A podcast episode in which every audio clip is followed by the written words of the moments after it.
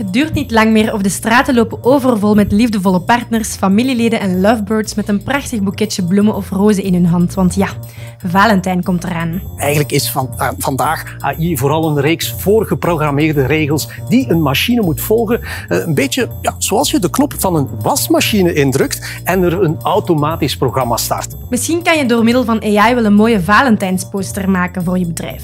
Dat is alleszins niet het enige wat AI in zijn mars heeft. Bijzonder veel nieuwe functies kunnen het jou in je zaak een pak gemakkelijker maken. Maar de grootste hulp voor ondernemers is misschien wel de Sociale-Economische Raad van Vlaanderen, de organisatie bij uitstek die Vlaamse werkgeversorganisaties en werknemersorganisaties samenbrengt. Gemengde gevoelens toch bij Klaas Bules over zijn digitale meters. Je kan er wel wat mee. Beter je verbruik controleren bijvoorbeeld en de meterstanden automatisch doorsturen naar de netbeheerder. Maar de Vlaamse meters zouden wel eens veel duurder kunnen zijn dan in andere landen. Zo blijkt uit een nieuwe studie van de SERF, de Sociaal-Economische Raad van Vlaanderen. Leg je krant aan de kant, zet het journaal even uit, want hier krijg je een relevant en actueel maandoverzicht. We hebben het vandaag over Valentijn, de nieuwste AI-functies en de SERF. Ik ben Kiana van Houtegem en ik ben jullie nieuwe presentatrice. Welkom bij mijn eerste aflevering van Optil. Optil, een maandelijkse actua-podcast van Unizo. Met Kiana van Houtegem. De sneeuwstormen zijn hopelijk voorbij dit jaar. We zitten weer klaar in onze studio op de Unizo-hoofdzetel in Brussel met vier rond een tafel. Zo ook Davy Frederiks van bloemenwinkel Puur Passie in Tollenbeek. Hij dompelt ons onder in bloemen en blikt samen met ons terug op een bijzonder drukke kerstperiode. Welkom, Davy. Welkom. De volgende gast aan onze tafel is Wouter Dorissen, zaakvoerder en expert bij Jungo, een disruptive marketing agency. AI en Wouter zijn als twee handen op één buik. Daarom komt hij vandaag zijn kennis over de nieuwe AI-tools voor ondernemers met ons delen. Dag Wouter. Dag Jana. En de laatste gast in onze studio is er eentje van bij ons. En niet zomaar eentje. De one and only gedelegeerd bestuurder van Unizo, Danny van Assen, heeft even tijd kunnen maken om vandaag met ons te praten over een heel actueel thema. De SERF. Welkom Danny. Dank u wel. Davy, als bloemist ga je tegenwoordig van drukke periode naar drukke periode. We zullen starten bij de kerstperiode. Is dat echt de drukste periode van het jaar? Ja, toch wel. De decembermaand is inderdaad een heel drukke periode van het begin tot het einde eigenlijk. Ja. En ik vermoed dat je ook kerstbomen verkoopt dan? Wij verkopen inderdaad ook kerstbomen, decoratie, maar ook vooral uh, bloemstukken, alles wat met kerst te maken heeft. Oké, en wat verkoopt zo het best? Valse kerstbomen of echte kerstbomen? We gaan toch nog meestal naar de echte kerstboom. Oké, ja. en waar gaat jouw voorkeur naartoe als je in jouw huis mag kiezen? Ja, dat is een, een, een moeilijke vraag. In mijn huis zou ik zeggen, ik ga naar een valse kerstboom. Um, maar dat heeft eerder te maken met, uh, we wonen op het eerste verdieping. Je zit daar met een boom, met een grote boom. En meestal als je heel veel bomen gaat plaatsen ook, is het soms... Uh, hoe zou ik het zeggen? Als je dan thuis aan je kerstboom wil beginnen, is het soms van, goh, moet ik nu aan mijn eigen kerstboom ook nog beginnen? Dat snap ik. Het is een hele drukke uh, periode, de kerstperiode. Maar wat vind je er zo leuk aan, aan die kerstperiode? Ja, kerst, kerstmis is, is eigenlijk een hele mooie, lange periode, een, een magische periode. We gaan ook heel vaak dingen doen die we eigenlijk de rest van het jaar niet doen. We gaan bijvoorbeeld heel veel bling-bling gebruiken. We gaan heel veel kleuren combineren die we anders niet combineren. En met kerst mag dat allemaal. Met kerst moet dat zelf allemaal om het echt kerst te laten zijn. Zalig, dat klinkt echt uh, fantastisch. De hamvraag, Wouter, heb jij jouw kerstboom al weggehaald? Ik heb dit jaar mijn kerstboom de 27e al weggedaan. Uh, maar dat is uitzonderlijk, want ik ben eigenlijk een, een, echte kerstmens. Maar ik was heel mijn living aan het opruimen en toen stond die boom daar en ik dacht, ik ben nu alles aan het proper maken. Het was een echte boom, dus heel veel naalden. Dus ik dacht, die ga ik nu toch ook, uh, ook buiten gooien. Dus vandaar. Oké, okay, dat is oké. Okay. En jij dan niet? Heb jij alle kerstdecoratie al weggehaald? 7 januari. 7 januari. Alles blijft staan tot uh, Drie Koningen. En de dag daarna moet het weg. Het begint op 16 december, dat is de verjaardag van mijn moeder. Dan wordt alles gezet. En op 7 januari moet alles buiten. Elk jaar opnieuw. Elk jaar opnieuw. Fantastisch. Oké, okay, een hele drukke kerst. Uh, dus nu even rust, hoop ik. Is dat dan een moment dat je vakantie neemt of wacht je tot op een ander moment in het jaar? Wij nemen eigenlijk maar een, een, weekje vakantie na die periode. En dat is eigenlijk vooral om de kerst in de winkel uh, op te breken en alles weg te zetten. Uh, want voor de rest blijft alles eigenlijk wat doorlopen. Hè. We hebben ook heel veel uh, begrafeniswerk. We hebben heel veel feestdecoratie dat we moeten doen. Dus dat blijft allemaal doorlopen. Dus vakantie in die periode, hmm, Een klein beetje, laat me zo zeggen, om even uit te blazen. Voilà, maar uitblazen gaat niet lang duren, want Valentijn komt eraan. Heel gecommercialiseerd. Is dat enkel op de 14e zelf? Of is dat vooral ook de periode rond de 14 dat dat er uh, een beetje een drukte toestroomt? dat is een van de weinige uh, momenten dat echt op één dag alles moet gebeuren. Uh, ook mensen bestellen niet, niet vaak op voorhand. Zeker mannen, die gaan dat niet gemakkelijk op voorhand gaan bestellen. dus zij komen en zeggen, ja, ik moet nu een boeket hebben. Dus, en dan is het een beetje gokken van hoeveel uh, bloemen heb ik wel nodig. Uh, maar het is eigenlijk wel echt allemaal op die ene dag. En de dagen nadien is het toch wel iets rustiger, omdat heel veel mensen toch al bloemen hebben. Voor de laatkomers. Onder andere. Bij Valentijn denk ik meteen aan roosjes. Is dat echt ook de best verkochte bloem op Valentijn? Ik moet zeggen dat er een beetje een, een, een tendens, uh, of het een beetje aan het veranderen is, laat mij zo zeggen. Um, enkele jaren geleden was het echt wel, iedereen moest rode rozen hebben. Maar ik probeer toch wel, hoe zou ik het zeggen, de klanten een beetje andere bloemen te laten gebruiken, te, leren kennen eigenlijk. Zo bijvoorbeeld de, romantiek van een rode roos. Hè, kan evengoed een hele mooie trosroos, een, een, een, een zachte rozenroos zijn bijvoorbeeld. kan even romantisch zijn als die rode, uh, typische roos. En ook prijzen zijn op dat moment enorm hoog. En dan kun je soms beter een alternatief aanbieden. Hè. Dat snap ik. Danny, ben jij een romantische ziel die uh, voor jouw partner roosjes of bloemetjes gaat kopen op Valentijn? Op Valentijn zelf eigenlijk niet. Wij negeren dat altijd. En dat is omdat wij elkaar ooit hebben leren kennen op 13 februari. Ah. Dus wij doen alles een dagje eerder. En uh, mijn, uh, mijn echtgenote houdt enorm van bloemen. Dus ik moet altijd snel zijn als ik voor haar bloemen wil kopen. Want ze koopt er zelf ook heel veel. maar uh, wij houden enorm van bloemen in huis. Ja. Dus het huis is niet af als er geen bloemen in staan. Oké, okay, fantastisch. Heb jij dan een favoriete bloem? Uh, goh, ik, ik, zie heel veel bloemen graag. Uh, vaak ook wat van die bombastische, zo, zoals kalassen of irissen of wat dan ook. Maar eigenlijk maakt het niet uit. Uh, het mogen ook veldboeketten zijn, kleuren. Ik vind het allemaal eigenlijk fantastisch. En trouwens, en het is gevaarlijk wat ik nu ga zeggen, maar mannen krijgen veel te weinig bloemen. Dat vind ik ook. Het is heel opvallend altijd, als je ergens gaat spreken bijvoorbeeld, mannen een fles, vind ik ook goed hoor, mannen een fles en vrouwen bloemen, maar er wordt heel zelden bloemen aan mannen gegeven. En soms durf ik zelf al eens een, een boeket opsturen aan iemand of zo. En dan krijg je toch altijd gekke reacties. Voilà, maar kijk, daar gaan we dan op letten. In de toekomst stellen mannen ook een bloemetje. Misschien een beetje cliché, maar jij hebt waarschijnlijk ook een uh, favoriete bloem, Davy? Ik heb ook favoriete bloemen, maar dat is niet echt een snijbloem. Mijn favoriete bloem is, is een passiebloem, wat ook een beetje, puur passie, is ook onze, de naam van onze zaak. Het is echt een hele prachtige bloem. Maar qua snijbloemen kijken we echt wel naar het seizoen. En kijken bijvoorbeeld nu die, de mooie anemoontjes, de, de tulpen die allemaal komen, super zalig.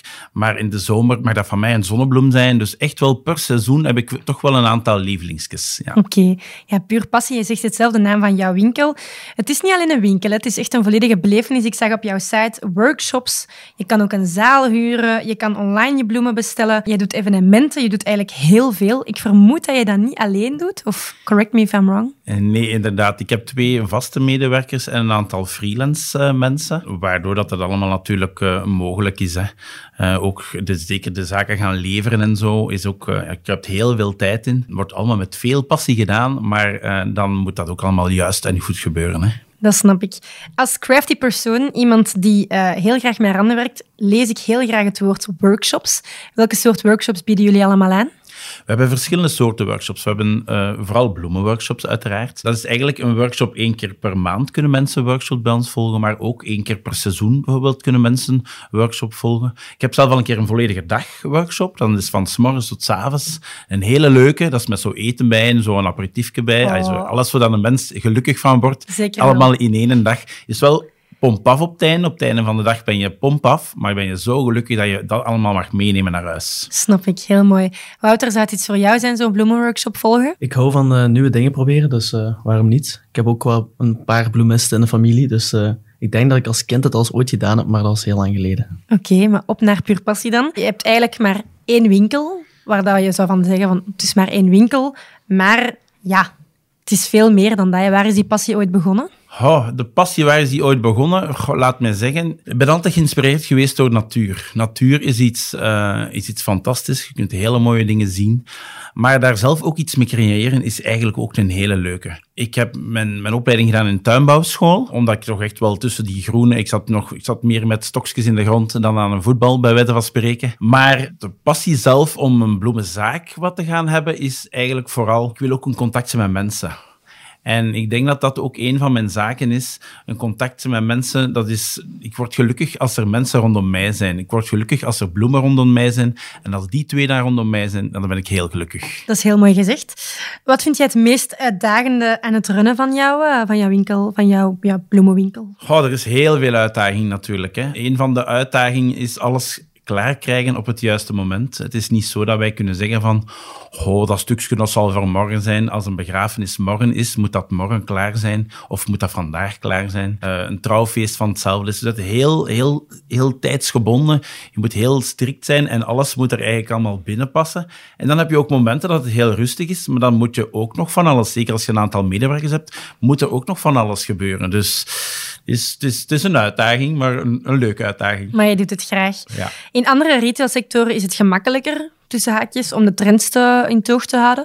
Hoe doe jij dat met bloemen? Hoe hou je de trends in toog daarvan? Heel veel naar uh, groothandels te gaan, heel veel lezen, heel veel kijken, heel veel zelf het internet afschuimen. Waarom niet? Vroeger was dat iets dat, dat echt niet kon, maar nu kan dat, kan dat zeker. Kan je heel veel dingen gaan vinden. Heel, uh, soms, je gaat niet alles gaan kopiëren, want ik ben niet zo voor kopiëren, maar eerder zo van, oh, dat is een klein leuk deeltje, dat is een klein leuk deeltje, dat is een klein leuk deeltje. Die drie zet ik samen, hup, ik heb iets ganz anders. Ik okay. heb iets heel leuk, iets van puur passie. Iets van puur passie, goed gezegd. Uh, Wouter, heb jij zo'n vaste bloemist waar je naartoe gaat? Of is dat gewoon waar je passeert en je komt een bloemenwinkel tegen en je hebt bloemetjes nodig, daar ga ik, uh, daar ga ik langs? Ja, als ik het uh, goed op voorhand weet, dan bestel ik bij mijn familie uiteraard. Ah, ja. Maar ik ben ook een man en ik, ik denk ook vaak op het laatste moment wel eens aan bloemen. en ik ben blij dat als je ongeveer een kwartier rijdt in Limburg, dan kom je wel ergens een bloemist tegen. Maar ook nog uh, de bloemissen die online kunnen, waar je online kan bestellen en die zelfs eventueel nog leveren. Daar ben ik als zaakvoerder uh, heel blij mee, want dan moet ik niet zoveel doen. Dan kan ik gewoon eventjes achter de laptop een boeketje bestellen, het adres ingeven, eventueel zelfs een boodschap op een papiertje. En dan heb ik een mooie daad gedaan en ben ik er eigenlijk maar vijf minuten mee bezig geweest. Voilà, het leveren is dus zeker eh, een hele positieve daad. Ja, vaste klanten, is dat eigenlijk nog een ding als je bloemen kunt kopen in een supermarkt?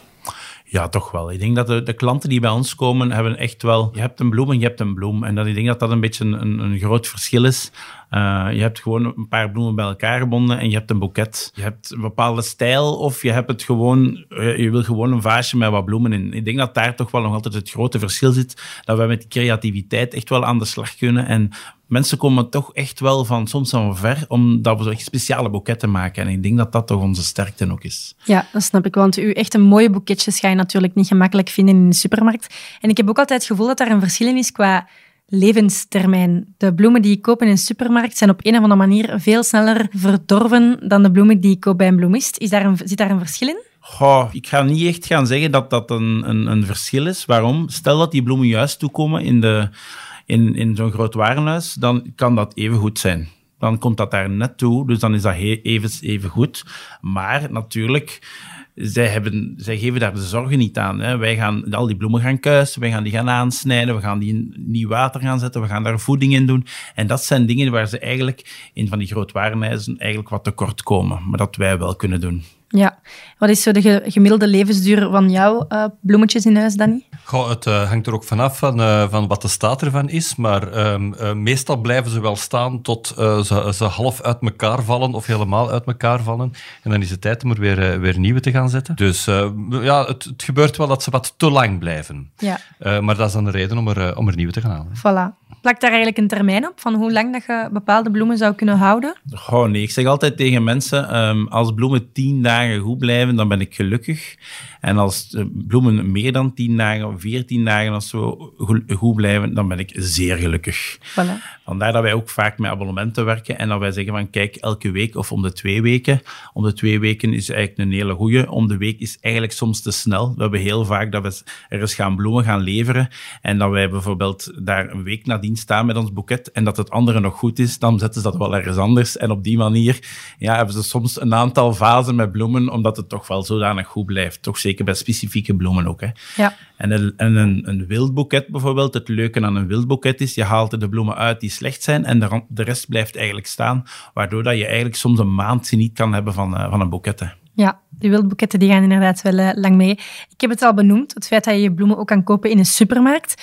Heb je daar een mening over? Wat vind je daarvan? Het zou hypocriet zijn van een mening te hebben, omdat we zelf ook wel wat bloemen leveren aan de supermarkt. Des te beter. Heel minimaal, maar ehm, dat is dan ook voor de, ja, ik zou het zeggen, de mensen die toch wel iets meer willen dan inderdaad dat die bloemen bij elkaar gebonden echt wel een leuk boeketje willen. Dus ik vind dat goed. Bloemen moeten eigenlijk zoveel mogelijk in de mensen hun leven komen. Dat maakt mensen gelukkig. Dus ja, waarom niet? Jij bent niet enkel bloemist en trotse ondernemer, maar jij bent ook ambassadeur van Biflorist. En daarbovenop ben je ook nog lesgever. Wat doe je zoal als ambassadeur van die federatie? Nu, ik denk dat het eh, een beetje een omgekeerd verhaal was. We zijn eigenlijk begin, ah, ik ben begonnen met mijn, met mijn zaak. Ik ben eerst, nee, ik ben eerst begonnen met de les te geven. eh, in het volwassenenonderwijs. En eh, dan ja, begon het te kriebelen om zelf mijn eigen zaak te hebben. Maar nu, eh, verleden jaar had ik zoiets, ik had een, ik had een stagiair en ja, het begon terug zo wat te kriebelen. Zo, ja, waarom uw, uw kennis voor u houden, bij wijze van spreken, en er bij wijze van spreken mee onder de grond te gaan liggen. Ja, je kunt beter uw kennis eigenlijk doorgeven aan mensen. En zo, ja, ik ben, ik ben ook eigenlijk een beetje ontgoocheld dat er eigenlijk heel weinig bloemisten nog zijn. Vandaar dat ik eigenlijk wil mijn, mijn schouders daarmee onderzetten. Dus ik, je weet, ik ga, les, ik ga terug gaan lesgeven en ik ga jongeren gaan motiveren om uh, bloemist te worden. Uh, dus dat was één. En natuurlijk komt dat uh, aan de horen van, van Biflorist. Hè. We hebben ooit meegedaan met Beste Bloemzaak van Vlaanderen. Vandaar zat, ja, konden ze ons wel een beetje. Um, maar uh, Biflorist ja, heeft dan gevraagd van, kijk, wil jij ook mee je schouders daaronder zetten om Biflorist ook wat meer op de kaart te zetten? En om ons, ons beroep eigenlijk meer. Het is zo'n mooi beroep, dus dat zou zonde zijn dat er de ene na de andere stopt omdat ze te oud zijn of ja, er geen opvolging is. Ja, je spreekt met heel veel passie over, uh, over bloemist zijn. Wat vind je zo leuk aan lesgeven dan? Ja, het lesgeven, dus, dus kennis overbrengen. Hè. Kennis overbrengen. Ik, ik, ik kan soms een, een half papier hebben op, uh, dat, ik moet, dat ik moet vertellen eigenlijk in mijn les. En ik kan daar vier uur over praten, puur omdat ik ook de, de ervaring van in de winkel kan gebruiken, voorbeelden van in de winkel gebruik. Zodanig dat dat echt bij die, zeker bij die jongere gasten, dat dat echt in hun hoofd geprent is of geprint is. Zodanig dat ze eigenlijk bij wijze van spreken niet veel moeten leren, maar dat ze het eigenlijk allemaal weten door goed te luisteren naar mijn, naar mijn uitleg eigenlijk. Ja. Een toffe leerkracht als ik het zo hoor. Is dat dan op de tuinbouwschool of is dat ook nog steeds in het volwassenenonderwijs? Tuinbouwschool in uh, Melle uh, geef, ik, uh, geef ik les. En nu binnenkort zal er ook in uh, CVO Covi in Anderlecht ga ik ook nog een aantal lessen gaan geven aan volwassenen dan weer.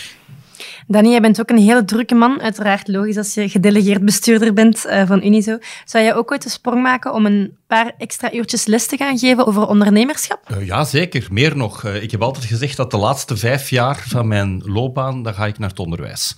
Dus ik wil absoluut op een bepaald moment uh, lesgeven. Ik ga nu al heel regelmatig ook gastcolleges geven.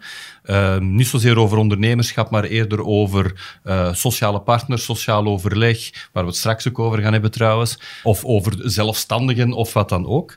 Uh, maar ik doe het al heel graag. En ik zeg het, als het aan mij ligt, de laatste vijf jaar van mijn loopbaan, dus van mijn 62 tot mijn 67, dan sta ik in het onderwijs. Kijk, en jij, Wouter, zou jij lesgeven over AI? Ik heb zelf in mijn, uh, mijn, mijn schoolloopbaan, um, heb ik me vaak, ben ik vaak op zoek gegaan naar een paar leerkrachten die mij echt wisten te boeien. En die leerkrachten kunnen toch wel echt uh, een effect op je hebben. Dus um, ik denk dat ik ongeveer van dezelfde stelling ben. Um, als ik wat verder ben in mijn, in mijn carrière, um, denk ik wel dat ik de stap ga maken om tenminste een aantal uren per week iets te gaan vertellen uh, voor de schoolbank. Voilà. Een extra paar uurtjes per week. Ondernemen, ambassadeur zijn, lesgeven, een heel druk leven. Gebruik je op dit moment AI-tools om jouw administratieve taken te vereenvoudigen? Ik gebruik dat vooral voor uh, wat teksten, bijvoorbeeld is zeg maar iets, iets, een kort tekstje voor op, op sociale media of voor op mijn website uh, een keer iets van tekst te zetten. Omdat inderdaad, dat is leuk een tekst schrijven, maar ja, ik, die, er steekt veel werk in. Er steekt veel werk in en ik vind dat het eigenlijk zo ongelooflijk goed is. Voilà, maar dan gaat uh, Wouter jou over enkele ogenblikken misschien heel gelukkig kunnen maken. In een wereld die steeds digitaler wordt, zijn AI-tools van onschatbare waarde voor ondernemers. Ze kunnen helpen om het werk efficiënter te maken en productiviteit te verhogen. ChatGPT kennen de meeste, maar welke AI-tools bestaan er nog? Google is een van de grootste AI-onderzoekers ter wereld, dus zijn zij nu ons afbeeldingen aan het laten zien en wij trainen hun AI om die dingen te herkennen. En dan kan je je afvragen, wacht, maar dat ding moet toch checken of dat wij een mens zijn of een robot? Tuurlijk, daarom krijg je meestal twee of drie afbeeldingen. Eentje is de test. De andere twee zijn wij die als aapjes in een doos zitten te werken voor Google. Rekketekketek, rekketekketek. Artificiële intelligentie, ofwel AI, is tegenwoordig niet meer weg te denken. Van machines in fabrieken, robots in de medische wereld tot ChatGPT. Het is overal. Nu heb ik het natuurlijk over de hele grote machines en artificiële structuren, maar het kan natuurlijk ook gaan over een pak tussen haakjes kleinere en gemakkelijkere uh, dingen. Kleine tools waar natuurlijk veel achter zit, maar die jou ongelooflijk hard kunnen helpen met jouw workflow. Daarvoor hebben we Wouter uitgenodigd, in eerste plaats zaakvoerder en expert bij Jungo, maar vooral ook een hele grote passie voor AI. En die passie deel jij maar al te graag met jouw omgeving, hè? Dat klopt. Ik heb een heel grote passie voor technologie in het algemeen. En vandaag, ehm, dat weet iedereen, gaat het heel veel over AI, overal. Dus ik lees, luister, leer en spreek over AI uh, tegen iedereen die er naar wilt luisteren. Kijk dan denk ik dat jij uh, op alle vragen een antwoord gaat kunnen geven. Maar we zullen starten bij het begin, want niet, niet iedereen weet natuurlijk wat artificiële intelligentie is. Zou je het nog eens kort willen uitleggen wat dat, dat precies is? Oké. Artificiële intelligentie is eigenlijk een tak in de computerwetenschappen die zich bezighoudt met het creëren van systemen, eh, robotica, maar ook software, die menselijke intelligentie kan nabootsen. Dus dat is wat AI is. Maar vandaag de dag, waarom AI zo trendy is, zal ik maar zeggen, dan gaat het eigenlijk meer over machine learning. En machine learning is een subtak van AI. Dus is ook AI, maar dit is iets waar uh, heel veel ontwikkelingen in gebeuren, de dag van vandaag. Dus dat is wat je, wat vandaag uh, vooral op de radio en op tv ziet. Oké, ja, er is nog heel veel argwaan uh, omtrent AI, zeker bij de, bij de oudere generatie. veel mensen vertrouwen de technologie absoluut nog niet. Hoe wordt die nauwkeurigheid en betrouwbaarheid dan gemeten? De argwaan is terecht. De dag van vandaag, eh, zoals ik al zei, gaat de technologie heel erg snel. En we hebben nu systemen, uh, algoritmes, die heel goed werken. Laten we naar ChatGPT kijken. Uh, we weten de dag van vandaag, oké, we hebben een bepaalde input. Je stelt een vraag aan ChatGPT. Dan gebeurt er van alles in het midden en dan krijg je een output. Maar wat er precies in het midden gebeurt, dat weten we eigenlijk niet. Um, dat noemen ze een beetje het, het black box effect. En dat komt omdat wat er in het midden gebeurt, is zo complex dat het heel moeilijk te zien is wat er precies, hoe is ChatGPT precies aan, aan die uitkomst geraakt. de dag van vandaag wordt AI ook veel gebruikt in bijvoorbeeld de medische sector. Um, voor het opsporen van kankercellen bijvoorbeeld, op echografieën. Met succes trouwens, wat heel positief is. Maar de argwaan die er een beetje is, of de angst die er een beetje is, is we gaan AI meer inschakelen voor beslissingen over leven, over dood. Maar dan willen we toch wel iets beter weten wat er in het midden gebeurt. Ja. Dat snap ik. Want ja, misschien nog een iets belangrijkere vraag. Privacy en beveiliging, hoe, hoe gaat dat daarmee om? Want heel veel mensen steken altijd heel veel informatie in, uh, bij ChatGPT bijvoorbeeld. Mhm. Hoe weet je dat je privacy gewaarborgd wordt? Eigenlijk als je de gratis versie van ChatGPT gebruikt, dan ben je akkoord gegaan. Je hebt, je hebt waarschijnlijk terms and conditions gelezen, um, maar daar ben je akkoord gegaan dat jouw data ook gebruikt wordt voor te trainen. Dus daar ben je eigenlijk niet zeker van. Um, ik spreek nu alleen maar over ChatGPT, maar er zijn natuurlijk nog duizenden en één andere tools. De dag van vandaag is het vooral een beetje opletten. Bij ChatGPT kan je een pro-versie kopen en kan je aanvinken dat je je data niet wilt laten gebruiken voor training. Dus als je het in je onderneming wilt gebruiken, zou ik het zeker aanraden. Maar de regulering loopt zoals altijd een beetje achterop. En zeker met deze technologie, waar dagelijks nieuwe dingen gebeuren, het gaat echt nog lang duren voordat er goede privacy-regels zijn. Denk aan de GDPR. Daar hebben we ook mhm. heel lang op moeten wachten. Dat is een hele goede regeling, maar kwam wel vrij laat. En zelfs een deel van de GDPR, als ik als ik het goed weet, gaat pas over een jaar echt in werking. Dan heb je het over de boetes die erop volgen en zo. Dus het is nog altijd een, een volle gang. Nu zijn ze hetzelfde bezig met AI, maar dat gaat ook nog allemaal jaren duren. Dus de boodschap vandaag is, wees zelf een beetje slim met hoe je deze tools gebruikt. Want ja, de reguleringen, daar moet je toch nog even op gaan wachten. Oké, maar jij gaat ons dat straks allemaal kunnen uitleggen. We hebben het momenteel over uh, ChatGPT. Wat is jullie mening daarover, Danny? Wel, dat is fascinerend. Hè? Ik, uh, ik ben uh, ondertussen al een paar jaartjes ouder aan het worden. En dan, dan zie je eigenlijk van dat er continu vernieuwingen waren binnen alles wat informatica was. En er werd dan altijd bijgezegd van oei, oei, oei, dit gaat heel veel jobs kosten en dit gaat... Dat is allemaal niet gebeurd. Jobs veranderen maar zorgen er eigenlijk niet voor dat, uh, dat er jobs gaan verdwijnen. Er komen er alleen maar nieuwe en andere bij. We zien nu dat uh, alles wat verandering en vernieuwing is, dat dat in een enorme, gigantische versnelling terecht is gekomen. En hier heb je echt wel het gevoel van, we ain't seen nothing yet. Uh, we staan aan de vooravond en het gaat heel snel gaan.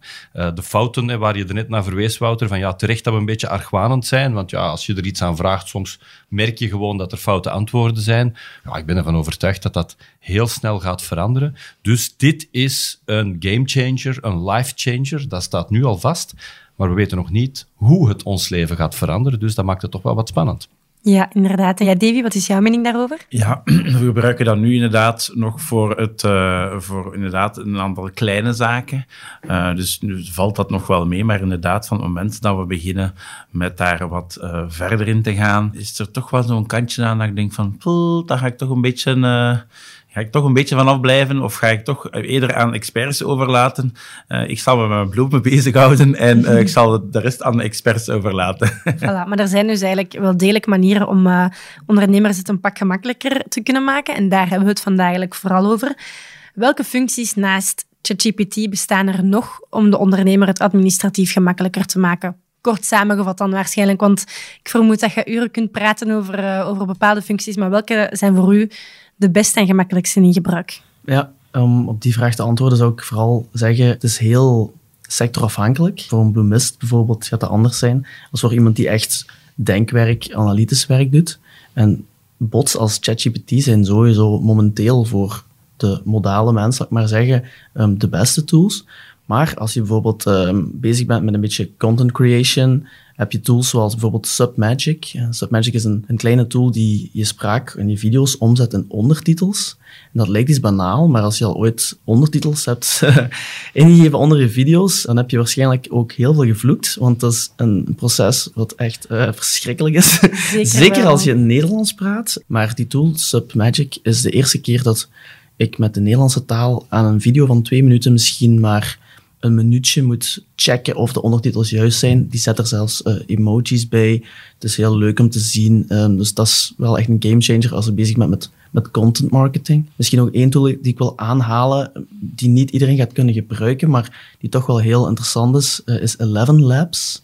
En Eleven Labs is um, een van de betere AI-softwares voor um, tekst naar spraak. Maar wat er zo, uh, zo chic aan is, is je kan een, een, een, zal ik maar zeggen, trainen met je eigen stem. Dus als je een 10, 15 minuten aan kwalitatieve uh, stem van jezelf, dus na, dit, uh, na deze podcast kan je dit stuk al insturen, dan kan je een eigen stem trainen en kan je je eigen stem gebruiken. Dus binnenkort hoef je, als je video's wilt opnemen of als je iets wilt vertellen, kan je gewoon typen en dan wordt het in je eigen stem voorgelezen. Dus uh, dat is wel, wel heel cool om te zien. Oké, en zijn die tools gratis?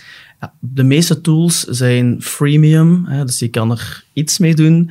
Maar als het echt leuk uh, begint te worden, dan moet je toch uh, een aantal euro's neertellen. Maar om eerlijk te zijn, vaak kan je de vergelijking maken van als ik hiervoor nu een professional ga inschakelen, hoeveel gaat me dit kosten? Of ik ga hier 5, 10, 20 euro per maand betalen, ja, dan is er toch nog wel een groot verschil. Is een professional hetzelfde? Nee, is vaak een stuk kwalitatiever, maar ja, een software, ik, ik, log in, ik betaal en ik ben binnen. Ik ben, mm -hmm. ben bezig. Dus uh, ja. En zijn er dan specifieke vereisten of voorbereidingen die je best als ondernemer treft voordat je die AI-tools gaat gebruiken? Ja, het is sowieso goed om heel goed na te denken. Hoe ga je als ondernemer om met deze technologie? Want eigenlijk moet je dezelfde vragen stellen bij alle technologieën, maar dit is toch wel een technologie die heel veel mensen, heel veel bedrijven gaat beïnvloeden, heel veel dingen gaat veranderen. En je moet niet op zoek gaan naar, naar, uh, naar het moonshot. Uh, je moet niet een tool zoeken die je hele werk als bloemist gaat overnemen, zodat je niks meer moet doen. Dat is een beetje te groot gedacht. Wat je eigenlijk moet doen is kijken, wat is mijn huidige workflow? Wat zijn dingen die heel repetitief zijn? Waar heb ik ook heel veel data van? Want we willen een, een machine learning, we moeten de machine ook uh, genoeg data geven om te trainen. Dus heb ik genoeg voorbeelden van, bijvoorbeeld administratie is een, is een heel goed voorbeeld. En welk klein specifiek proces kan ik automatiseren met AI, waardoor ik misschien elke dag een half uur, een uur kan vrijkrijgen. Dat is een betere manier om na te denken over AI-integratie. Want op die manier ga je zeker wel een tool vinden die uh, van die speciale kleine zaakjes voor je kan oplossen. En als je echt zegt, ik wil mijn hele businessmodel gaan veranderen, dan is dat meer iets om over een lange periode over na te denken. En moet je ook een beetje afwachten, hoe gaat de wereld reageren? Hoe verandert AI? Want als je nu een businessmodel maakt op de huidige AI, ja, wacht eens twee maanden, dan is het weer helemaal anders. Mm -hmm. Zijn er bepaalde opleidingen of cursussen die je kan aanraden als je als ondernemer bijvoorbeeld iets meer wil leren over, uh, over AI? Um, de cursus die ik zelf vorige week heb afgewerkt, is die van Oxford. En dat is uh, Artificial Intelligence for Business. En dat is gewoon een online cursus, maar niet, niet gewoon een online cursus, wel echt een kwalitatieve online cursus waar je elke week een paper moet indienen, die wordt nagekeken. En je gaat echt met je eigen bedrijf aan de slag. Je begint met de geschiedenis van AI. Wat, wat is het eigenlijk? Hoe werkt het nu? Je hoort heel veel experts spreken. En dan moet je stap per stap in zes weken een soort van AI-plan ontwerpen, een business case voor je eigen zaak. Ja, en die zes weken heb ik wel enorm veel geleerd. Oké, zou het iets voor jou zijn, Davy, om zo'n uh, een AI-cursus te volgen? Ik denk dat ik het bij een beperkte zal moeten houden, want voor een grote zal ik niet kunnen gebruiken, denk ik, uh, in mijn job. Ja. Oké, okay, maar je staat er wel open voor? Uiteraard. Maar voilà. als het niet open staat voor iets vernieuwend, dan blijft dat hetzelfde. Hè. Ja. Dat is inderdaad waar. Ik moet toegeven, als, uh, als jong persoon denk ik wel vaak van goh, zo alles uit handen geven en echt... Vroeger had ik echt schrik dat de robots de wereld gingen overnemen. Nu ben ik al iets ouder en besef ik wel dat dat niet per se het geval gaat zijn. Valt de uitdaging van bepaalde zaken dan niet weg? Want bijvoorbeeld ik, met een journalistiek diploma, ik heb moeten leren schrijven, ik heb moeten leren teksten maken. En als ik dan zo in het begin te horen kreeg van ja, er, zijn, er is een tool die uw teksten voor u schreef, dan dacht ik wel, ja, wel, waarom studeer ik dan nog? Ja. waarom doe ik dan nog deze opleiding? Dus dat vind ik er wel een beetje spijtig aan of zo, maar ik weet niet per se wat uw mening daarover is. Ja, om te beginnen, is zeker een kans dat de robots de wereld overnemen, maar we laten het over de volgende vraag hebben. Ik begrijp uh, dat gevoel, en ik had dat zelf ook. Ik ben zelf ook zaakvoerder van een marketingbureau, waar ook heel veel creatieve profielen zitten. En die zaten natuurlijk ook met die vraag van, wat betekent dit voor mijn job? En dat is een, een hele normale vraag. Um, maar ik heb hiervoor, voor dit gesprek ook eventjes met je collega Babette gepraat en die haalde iets goed aan. De zaken die als eerste gaan geautomatiseerd worden, zijn vooral de zaken die je liever niet zou doen. Heel veel opzoekwerk. Um, op zoek gaan naar uh, 50 bronnen om je creatief werk te ondersteunen of om je te inspireren. Ja, dat kan je ook op Google doen, maar als je gewoon even moet vragen aan AI om het voor je te zoeken, dat is natuurlijk gemakkelijker. Uh, administratie, um, van die taken, dat zijn de eerste taken die gaan geautomatiseerd worden. En jij als creative gaat meer een art direction rol op je nemen, um, waar je praat met uh, AI, waar je voorstelt, waar je feedback geeft. Dus je kan je creativiteit zeker nog kwijt. Oké. Okay. Dat stelt mij gerust. Ja. je praat met uh, heel veel passie over AI. Waar is die passie ooit ontstaan? Ik ben als kind al zeer geïnteresseerd in technologie. Ik ben heel nieuwsgierig waar we als mens naartoe gaan. Daarom ben ik ook heel blij om in deze tijd te leven, want we zijn nu bezig met dingen als uh, particuliere ruimtevaart. Um, en nu hebben we nog AI. Potentieel gaan we een intelligentie creëren die slimmer is als, als wij, de mens. En waar mensen dan zo niet over nadenken, en waar ik heel veel over nadenk, misschien iets te veel, uh, is ja, de laatste uitvinding die we als mens zullen maken, is een machine die slimmer is als ons. Want dan gaat die machine alle nieuwe uitvindingen doen. En omdat er zoveel onzekerheid is, wat soms beangstigend is, vind ik dat vooral heel leuk om te kijken wat gaat er allemaal gebeuren. En ik hoop dat ik dat allemaal nog mag meemaken. Ik hoop dat ik ook nog eens naar de ruimte kan gaan. En ja, dat interesseert me gewoon allemaal. Eh, de toekomst, technologie. Ik vind dat super leuk om over na te denken. Jij bent er uh, veel mee bezig. Ja. Wat is op dit moment jouw favoriete technologie?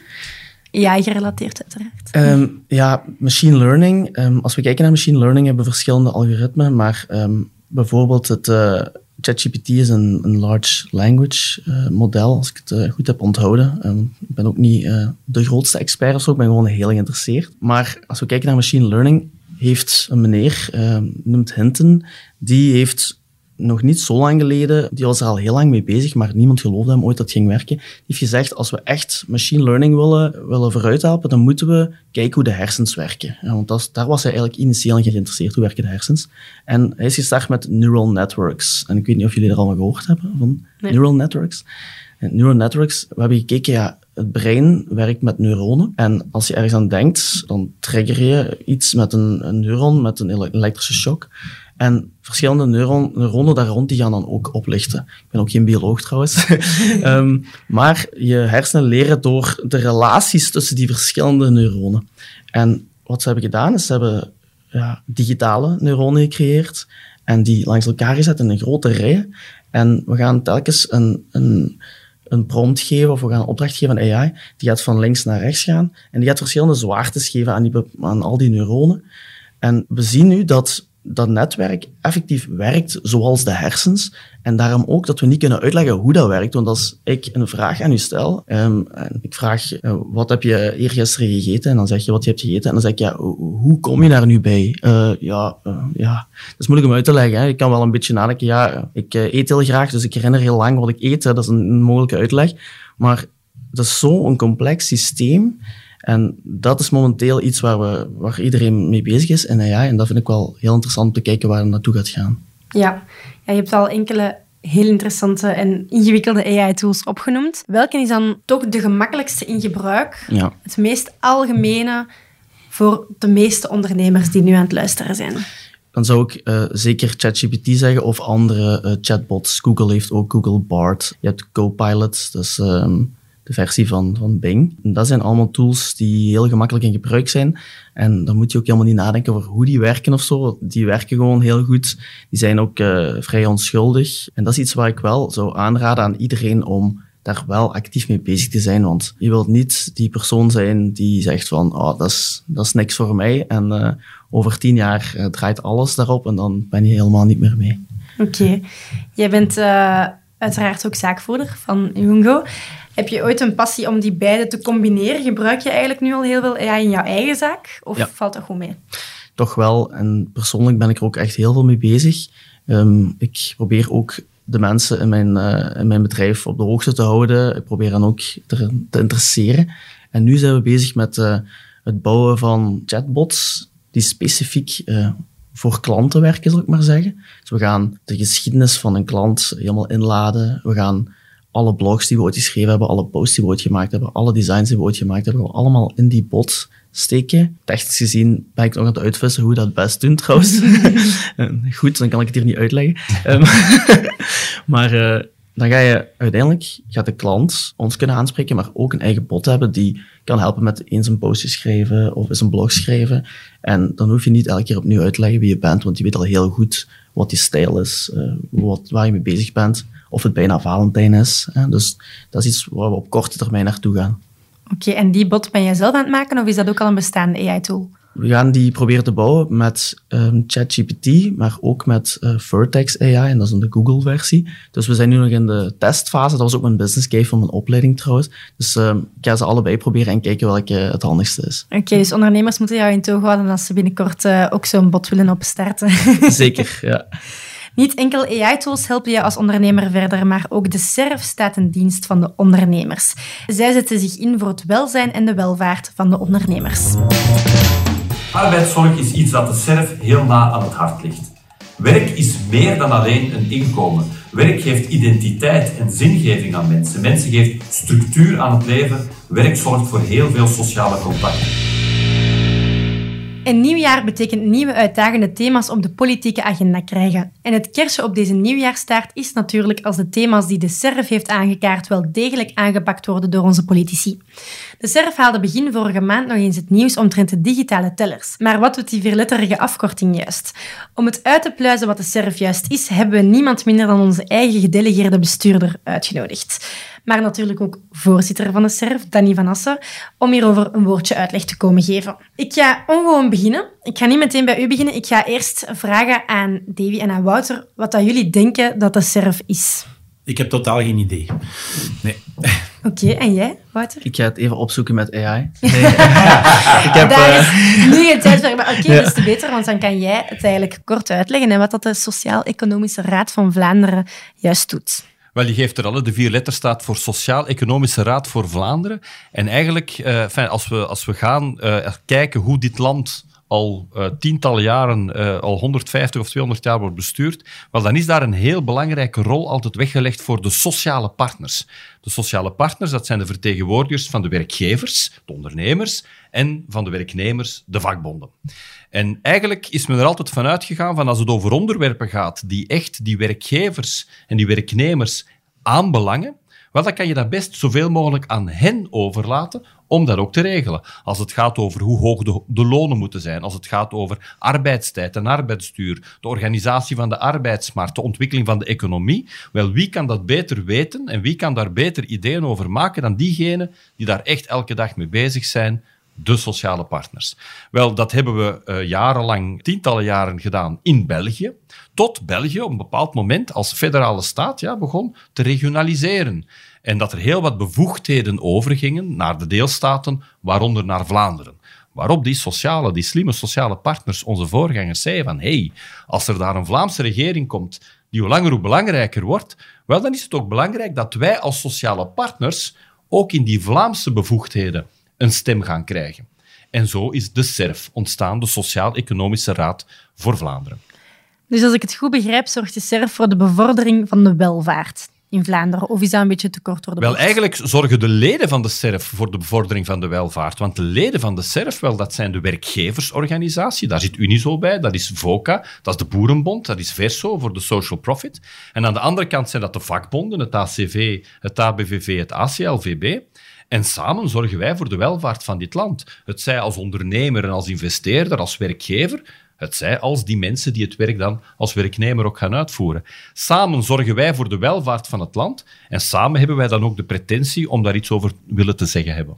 Oké, als ik denk aan, eh, aan die uitdagende thema's in kaart brengen, dan gaat mijn hoofd helemaal op tilt staan. Heb jij een voorbeeld van die politieke thema's die jullie willen aankaarten? Wel, we zijn continu met, met zaken bezig. En je gaf er net al het voorbeeld van de digitale teller. Wel, dat geeft al aan hoe breed dat is. Uiteraard is het meest voor de hand liggende alles wat arbeidsmarkt eh, met zich meebrengt. Hè. De, de ondernemers hier weten hoe moeilijk het is om tegenwoordig vacatures ingevuld te krijgen. Wel, we gaan kijken van hoe kunnen we ervoor zorgen dat er meer mensen actief kunnen gemaakt worden op die arbeidsmarkt. Het zijn ook de sociale partners in Vlaanderen die bijvoorbeeld de VDAB mee gaan besturen. Dus alles wat arbeidsmarkt betreft is al een belangrijk thema. Maar daarnaast ook economie in de brede zin van het woord, innovatie. Hoe kunnen we innovatie gaan ondersteunen en versterken in onze bedrijven? Uh, het gaat over energie. Als we de grote energiecrisis van het afgelopen jaar hebben, wel, wat zijn nu de voorstellen die we kunnen doen om ervoor te zorgen dat we onze bedrijven en gezinnen door die energiecrisis getrokken krijgen? België is voorzitter van de Europese Unie geworden dit jaar. Wel, Vlaanderen heeft daar ook een rol in te spelen. Wel, vanuit de SERF zijn we ook voorstellen gaan doen naar de Vlaamse regering van wat volgens ons de thema's zijn die ze absoluut ook op het Europese vlak op, uh, op tafel moeten gaan leggen. Dus hoe breed het ook mogelijk is, alles wat te maken heeft met het goed kunnen laten floreren van bedrijven en de relaties tussen werknemers en werkgevers gaan organiseren voor wat de Vlaamse bevoegdheden betreft, daar is de SERF mee bezig. Ik heb eigenlijk een beetje het gevoel dat de SERF hetzelfde doet als Unizo doet, enkel voor ondernemers. Klopt dat? Nee, eigenlijk niet. Hè. Uh, wat doet Unizo? Wel, Unizo gaat de belangen verdedigen van die ondernemers, van die werkgevers, naast nog het geven van opleidingen, begeleidingen, informatie, het samenbrengen van ondernemers enzovoort. Maar laat ons zeggen, Unizo is er vooral om de belangen van die ondernemers te gaan verdedigen, bij alle mogelijke regeringen in dit land, en dat zijn er wel wat. De SERF gaat net proberen tot verzoening te komen, tot akkoorden te komen. Bij de SERF zijn we niet alleen werkgever of niet alleen ondernemer. Nee, we gaan als werkgeversbank in onderhandeling gaan met de vakbonden om te kijken of we gezamenlijke zaken kunnen zeggen. En dan is er de mooie traditie in dit land dat wanneer de sociale partners het eens zijn over die zaken die hen eigenlijk in eerste plaats aanbelangen, wel, dan worden die akkoorden ook uitgevoerd. Want opnieuw, wie weet beter hoe dat je de relaties tussen werkgevers en werknemers kan organiseren dan de werkgevers en de werknemers zelf. Oké, wat was dan exact de motivatie om die samenwerking tussen Unizo en de SERF samen te brengen en jullie, allee, ons voorzitter te maken eigenlijk? Wel, dat is een, dat is een tourbeurt eigenlijk. En, en Unizo is een van de leden van de SERF. En eigenlijk, ik noem dat zelf trouwens ook het SERF-model. En dat is een prachtig model. Want het voorzitterschap van de SERF verandert elk jaar. Dus vorig jaar was ik ondervoorzitter van de SERF. En het ABVV was toen voorzitter van de SERF. Dit jaar wordt de ondervoorzitter voorzitter. Unizo is voorzitter geworden. En het ACV is ondervoorzitter geworden. En je weet al wat er gaat komen. Volgend jaar het ACV voorzitter en VOCA wordt ondervoorzitter. En na een tijdje zijn we weer helemaal rond. Wat is daar nu zo gigantisch interessant aan, aan dat SERF-model? Wel, om de zoveel tijd ben je voorzitter. Om de zoveel tijd ben jij het, degene die de vergaderingen gaat leiden. Ben jij degene die, als er debatten ontstaan, aan debatten worden gevoerd, ja, die het compromis gaat moeten maken. Dus het is eigenlijk een heel empathisch gegeven. Dit jaar zal ik ja, veel moeten luisteren en kijken van oké, de collega's van de werkgeversbank, wat zeggen die, de collega's van de vakbonden, en waar zien we alles kristalliseren, waar kunnen we tot een akkoord komen? Wel, als iedereen om de beurt die oefening eens moet doen, dan begrijpen we elkaar ook heel beter. Dat sterfmodel, we zouden het eigenlijk op veel plekken nog kunnen gebruiken. Maar nog niet. En eigenlijk ook wel een beetje meer werk voor u dan naast aan het feit Ja. dat je gedelegeerd bestuurder Dat is- bent. Dat is absoluut het geval. Het is de tweede keer nu dat ik voorzitter van de SERF mag zijn. Het- De eerste keer was in het hele leuke jaar 2020, Ja. toen corona was uitgebroken. Eh, dan hebben we dat er ook bij gepakt. Dus ik weet ondertussen what it takes. Dus het, eh, het is heel veel workload die erbij komt, maar wel heel nuttige Dus ik ben eigenlijk heel enthousiast om dat te doen. En het is ook voor Unizo een hele goede zaak om dat te kunnen doen. Want uiteraard, als je voorzitter bent, ja, dan kan je toch weer net die accentjes links en rechts leggen die je misschien anders wat minder goed kan leggen. Voilà, want de raad kan uiteraard niet genoeg eh, onderstreept worden, het belang ervan natuurlijk. Kan je zo'n concreet initiatief of project opnoemen dat de SERF al eh, heeft voorgeschoteld, waar dat dan een positief resultaat is uitgekomen? Ja, heel veel. En ik zou zeggen, ga zeker eens op de website kijken, serf.be. Daar staan alle mogelijke adviezen, akkoorden en ga ze maar verder op. Ehm, maar één voorbeeld wil ik misschien geven. En dat was, ik heb er net aan verwezen, de coronatijd. Eh, als je je goed herinnert, eh, het is ergens halverwege maart 2020 dat de regeringen beslisten dat alle deuren toegingen en dat het leven hier tot stilstand kwam. Wel niet later dan eind maart hebben wij bij de SERF de beslissing genomen van oké, hoe kijken wij nu naar de toekomst? Ehm, hoe gaan we A, door deze crisis komen? B, als we uit deze crisis komen, wat moeten we dan als beleid voeren om relance te doen, om die economie terug goed op gang te krijgen? En ten derde, welke zaken zullen er definitief veranderd zijn? Zullen nooit meer hetzelfde zijn als voor de coronacrisis? En hoe moeten we daarmee omgaan? Wel, tegen het einde van juni 2020 had de SERF 7, 8 adviezen klaar om die verschillende stappen te kunnen zetten en om de relance in ons land te gaan voorbereiden. Eh, De Vlaamse regering heeft een Vlaams herstelplan goedgekeurd in september, oktober van dat jaar. Wel, eh, ik zal niet zeggen dat het copy-paste was van de adviezen van de SERF, maar er zat toch wel heel veel van in, ja. Oké, en adviezen, adviseren, dat is een heel belangrijke taak. Is dat de belangrijkste taak van de raad? Of Ja. zijn er andere taken die jij denkt van dat is nog belangrijker? Wel, de SERF heeft een drietal belangrijke taken. Het geven van adviezen. Eigenlijk is de Vlaamse regering verplicht om alles wat zij doet dat sociaal-economisch relevant is, decreten, besluiten, moeten zij advies vragen aan de SERF. Ten tweede doet de SERF ook heel veel onderzoek. We werken ook samen met de Stichting Innovatie en Arbeid. Dus we gaan uiteraard ook zorgen dat we evidence-based policy kunnen doen. Dat als we beslissingen nemen, als we adviezen maken, dat dat gebaseerd is op goede inzichten. Dus we doen ook veel aan onderzoek. Maar derde opdracht van de SERF, en dat vind ik, dat hoor je al, de allerbelangrijkste, dat is akkoorden maken. Ehm, sociale partners zijn zo sterk als ze zelf willen, maar op hun sterkst als ze akkoorden maken, als we overeenkomen.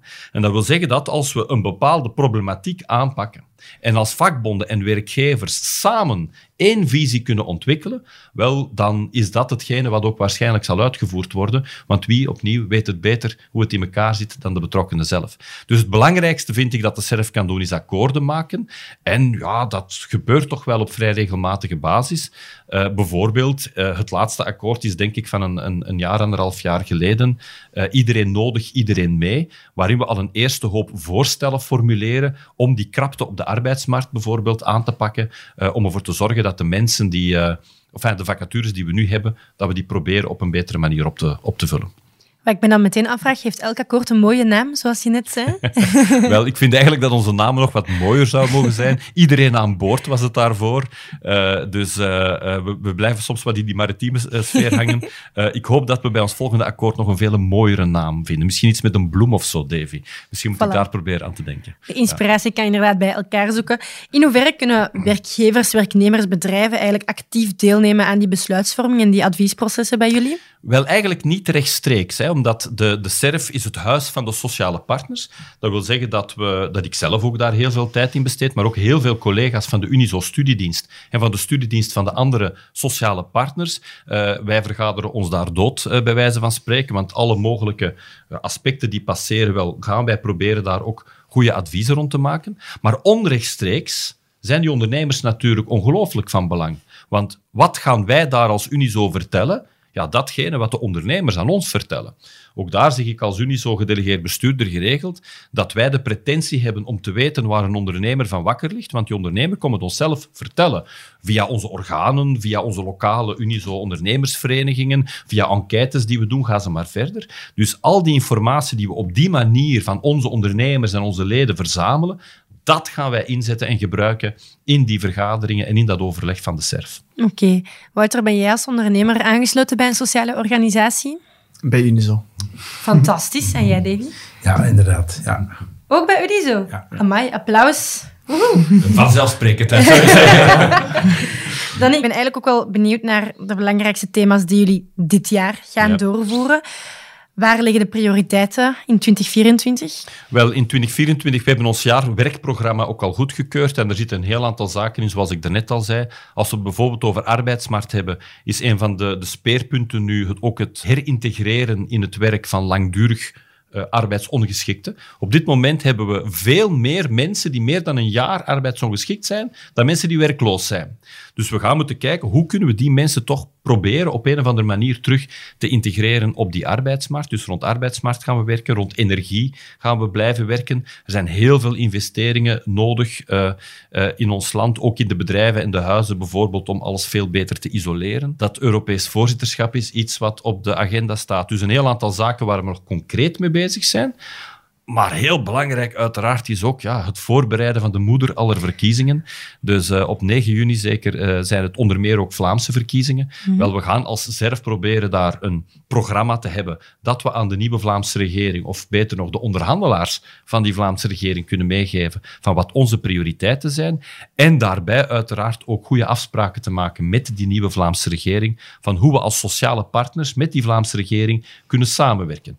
Wij hebben de pretentie om te zeggen dat we goed weten hoe die relaties in elkaar zitten. Wel, we gaan opnieuw de volgende Vlaamse regering moeten overtuigen om goed met ons samen te werken en ons die rol ook te laten spelen. Om ervoor te zorgen dat de initiatieven die wij nemen tot bij hen kunnen raken om samen dan een goed sociaal-economisch beleid te kunnen voeren. Oké, er zijn natuurlijk altijd bepaalde thema's die standaard op tafel liggen. Denk maar aan klimaatverandering of economische uitdagingen. Ik ga er nu een andere uitkiezen, die digitalisering, een beetje in thema vandaag. Hoe gaan jullie dat dit jaar aanpakken? Wel, we hebben daar één of twee jaar geleden al een heel uitgebreid uh, advies over gebracht, over digitalisering. En dat gaat dan over, over vele verschillende aspecten daar rond. Dat gaat uiteraard ook over onderwijs. Hoe gaan we jongeren ook zoveel mogelijk triggeren en ervoor zorgen dat jongeren ook mee zijn? Dat werknemers ook mee zijn, dat, er, uh, ja, dat, je, dat je geen digitale analfabeten krijgt. En ook ondernemers bijvoorbeeld. En vooral voor KMO's is het bijzonder belangrijk uh, om te investeren in wat wij zeggen kennis- en innovatiespreiding. Heel vaak worden innovaties elders, in, in kenniscentra of in grote bedrijven of, of waar dan ook, ontwikkeld. Maar is het wel belangrijk dat KMO's, die misschien zelf niet de mogelijkheden hebben om die zaken zelf te ontwikkelen, dat ze wel kunnen delen in die kennis die gemaakt is. En dat is vooral ook met alles wat digitalisering te maken heeft, is dat, uh, is dat enorm belangrijk. Dus digitalisering is een hoofdthema. Uh, by the way, dit jaar koppelen we dat ook bijvoorbeeld aan autonomie. Want als we het gaan hebben over ja, duurzaamheid, over aardgrondstoffen, digitalisering, wel voor digitalisering, voor batterijen, voor het laten werken van alle mogelijke uh, informatica-tools, heb je ook bepaalde grondstoffen nodig. En in een veel labielere wereld waar we nu in terecht zijn gekomen, ah, moeten we ook eens beginnen nadenken, gaan wij alle grondstoffen in de komende jaren nog wel hebben die we nodig hebben om al die toestellen te doen draaien, zonder dat we afhankelijk zijn van de Chinezen? Wel, ook dat is een van de thema's waar we het dit jaar mee bezig zullen zijn. Oké, Wouter, als er een thema zou zijn die jij heel graag wil aankaarten bij de SERF, als dat mogelijk zou zijn, wat zou jij dan kiezen? Dan zou ik toch wel uh, eventjes met hen open willen praten over aan toekomstige scenario's, met betrekking tot AI uiteraard. Mm -hmm. wat zouden we kunnen doen indien er wel een groot deel van de jobs zouden verdwijnen? Want ik hoorde er straks zeggen, um, als we kijken naar de geschiedenis, zijn er heel vaak jobs weggegaan, maar zijn er ook terug bijgekomen. Dat is waar, maar daartussen zit wel vaak een vrij lange periode waar een, deel van de mensen soms niet aan een job geraakt. En dat is een periode waar een organisatie als SERF zeker een verschil kan maken, denk ik. Wel, en eigenlijk als we, als we daar nu naar kijken, zien we dat het probleem zich eigenlijk niet meer stelt dat er te weinig jobs zijn. Een arbeidsmarktbeleid is tientallen jaren een strijd tegen werkloosheid geweest. Wel, op dit moment is het een strijd om mensen te vinden om de vacatures in te vullen. Dus op dit moment, als uh, uh, AI ervoor zou zorgen dat er heel wat jobs kunnen gedaan worden door artificial intelligence, wel, dan hebben we mensen om die andere vacatures te gaan invullen. Dat is niet één op één natuurlijk. En dat is dan de overgang, intersectorale arbeidsmobiliteit noemen we dat. Hoe ga je mensen van de ene sector naar de andere sector brengen? Hoe ga je mensen die heel hun leven in een bepaald bedrijf of een bepaalde sector hebben gewerkt, misschien op het einde van hun loopbaan toch nog van sector doen veranderen? Dat zijn zaken waar we effectief op moeten inzetten. Maar ik ben ervan overtuigd, uh, het feit dat we eigenlijk eerder te weinig mensen hebben om het werk gedaan te krijgen dan omgekeerd, dat gaat nog tientallen jaren duren. Oké. Ik wil uh, heel graag eindigen op een hopelijk positieve noot voor ondernemers. Want ja, Unizo behartigt de belangen van ondernemers. De service is er zowel voor ondernemers als bedienden als arbeiders. Dit jaar is Unizo voorzitter van de SERF. Betekent dan dat er meer zal gedaan worden voor ondernemers? Wel, als dat niet zou zijn, dan ligt het aan de voorzitter en dan mag u die voorzitter daar verantwoordelijk voor stellen. Wel, in het jaarprogramma van de SERF zit absoluut heel wat dat voor ondernemers en werkgevers van gigantisch groot belang is. Um, en wat voor Unizo misschien ook het belangrijkste is, net als voorzitter en de verantwoordelijkheid die we nu als voorzitter hebben, is om ervoor te zorgen dat die SERF goed draait en dat die sociale partners effectief ook een stem hebben in het kapitel en kunnen blijven wegen. Want hoe meer wij als sociale partners kunnen blijven wegen, hoe beter dat dat ook is voor onze ondernemers. En uh, dat is dan de verantwoordelijkheid die ik dit jaar ook mee moet opnemen. Oké, okay, dus we komen naar u als het, uh, als het niet goed loopt. Ik hoor het wel als het niet goed is. Ja. Vele mensen werken, dat is zeker. Benieuwd naar wat er nog allemaal op tafel ligt bij de SERF? Lees het gerust nog eens na op www.serf.be of klik op de link in de show notes. Daar kan je ook de site van de mooiste bloemenwinkel van Vlaanderen terugvinden. Op een deurdag op de planning, maar nog geen gepaste bloemen. Puur passie is er voor jou. Wedstrijdje Meester Roze aan je partner geven bij Davy in Tollenbeek moet je zijn. Bedankt Davy Frederiks voor jouw aanwezigheid. Ja, dankjewel. Ook een dikke merci aan Wouter Dorissen om ons onder te dompelen in de wereld van AI en hoe het onze ondernemers kan helpen. Dankjewel. En dankjewel Danny van Assen om ons uit te leggen hoe belangrijk de service en wat ze precies gaan verwezenlijken dit jaar. Met zeer veel plezier. En last but not least, jij bedankt om te luisteren naar deze interessante en leuke aflevering van Optil. Een maandelijkse podcast van Unizo waar we met vier rond een tafel zitten en het hebben over actuele thema's. Volgende maand brengt Babette opnieuw drie zeer intelligente gasten mee die alles komen vertellen over hun passies en hun beroep. Ben jij in de tussentijd benieuwd met welke topics Unizo allemaal bezig is? Volg ons dan op social media of surf naar www.unizo.be. Daar kan je als ondernemer trouwens ook lid worden, mocht dat nog niet gebeurd zijn. En mocht je een thema hebben dat je graag eens behandeld ziet worden in deze podcast, dan kan je dat altijd delen via podcast.unizo.be. Heel fijn dat je bij ons was en graag tot de volgende Optil. Optil, een maandelijkse actua-podcast van Unizo. Genoot je van deze podcast? Vergeet dan niet om een review achter te laten en hem op til te delen met vrienden en familie. Dankjewel voor het luisteren. Heel graag tot volgende maand.